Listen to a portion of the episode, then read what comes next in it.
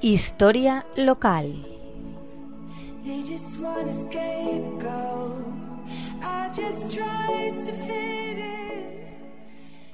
Buenas tardes, amigas y amigos de la Tegua Radio. Hace dos semanas os hablaba de algunos de los castillos que hay en España. Hoy voy a hablaros de otra tierra, que también está llena de castillos, y además en unos entornos verdes de grandes acantilados y con abundancia de lagos y ríos. Se trata de Escocia, de la que acabo de regresar después de pasar en ella unos cuantos días admirando esos paisajes. Su capital, Edimburgo, es desde el 2004 la primera de la red de ciudades creativas de la UNESCO, al ser nombrada en ese año Ciudad de la Literatura. Es cuna de novelistas contemporáneos reconocidos internacionalmente. J.K. Rowling encontró en sus antiguos edificios la inspiración para dar vida al mago Harry Potter, y de leyendas literarias como Sir Arthur Conan Doyle, creador de Sherlock Holmes, así como Sir Walter Scott, quien escribió Ivanhoe, y Robert Louis Stevenson, autor de La Isla del Tesoro, entre una larga lista de personalidades.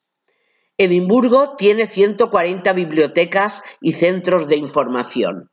La primera en ser pública data de 1725.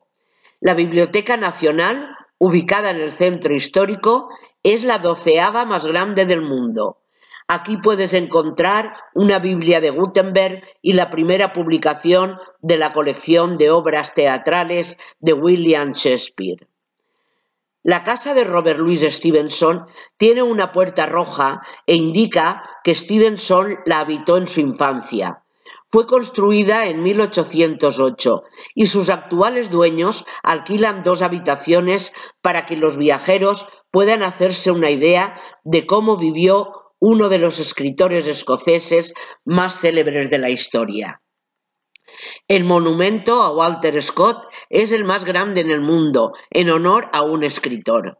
Su torre, construida en pizarra, tiene una altura de 61 metros y dispone de una escalera de caracol interior para acceder a los diversos pisos.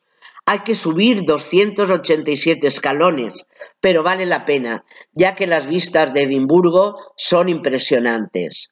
Se cierra cuando hay fuertes vientos. La Biblioteca de la Poesía es una institución fundada hace 25 años y dedicada al arte de la poesía. Se dirige a un público muy amplio y sus puertas abren de forma gratuita para todos. Su festival más importante se celebra cada 6 de octubre, coincidiendo con el Día Nacional de la Poesía. En Escocia, los castillos son un elemento tan fundamental del paisaje como los valles o los lagos.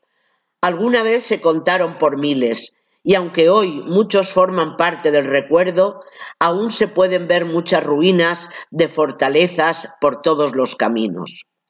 Todos tienen su historia de fantasmas, pero el de Glamis, donde vivió la reina madre, la abuela del actual rey Carlos III, parece ser uno de los más encantados, además de monumental. No tengo tiempo para hablaros de otras tantas cosas por la que es bonita Escocia, como el lago Ness y su famosa leyenda del monstruo o su maravillosa vegetación. Lo dejaremos para otra ocasión. Hasta la semana que viene, un saludo muy cordial.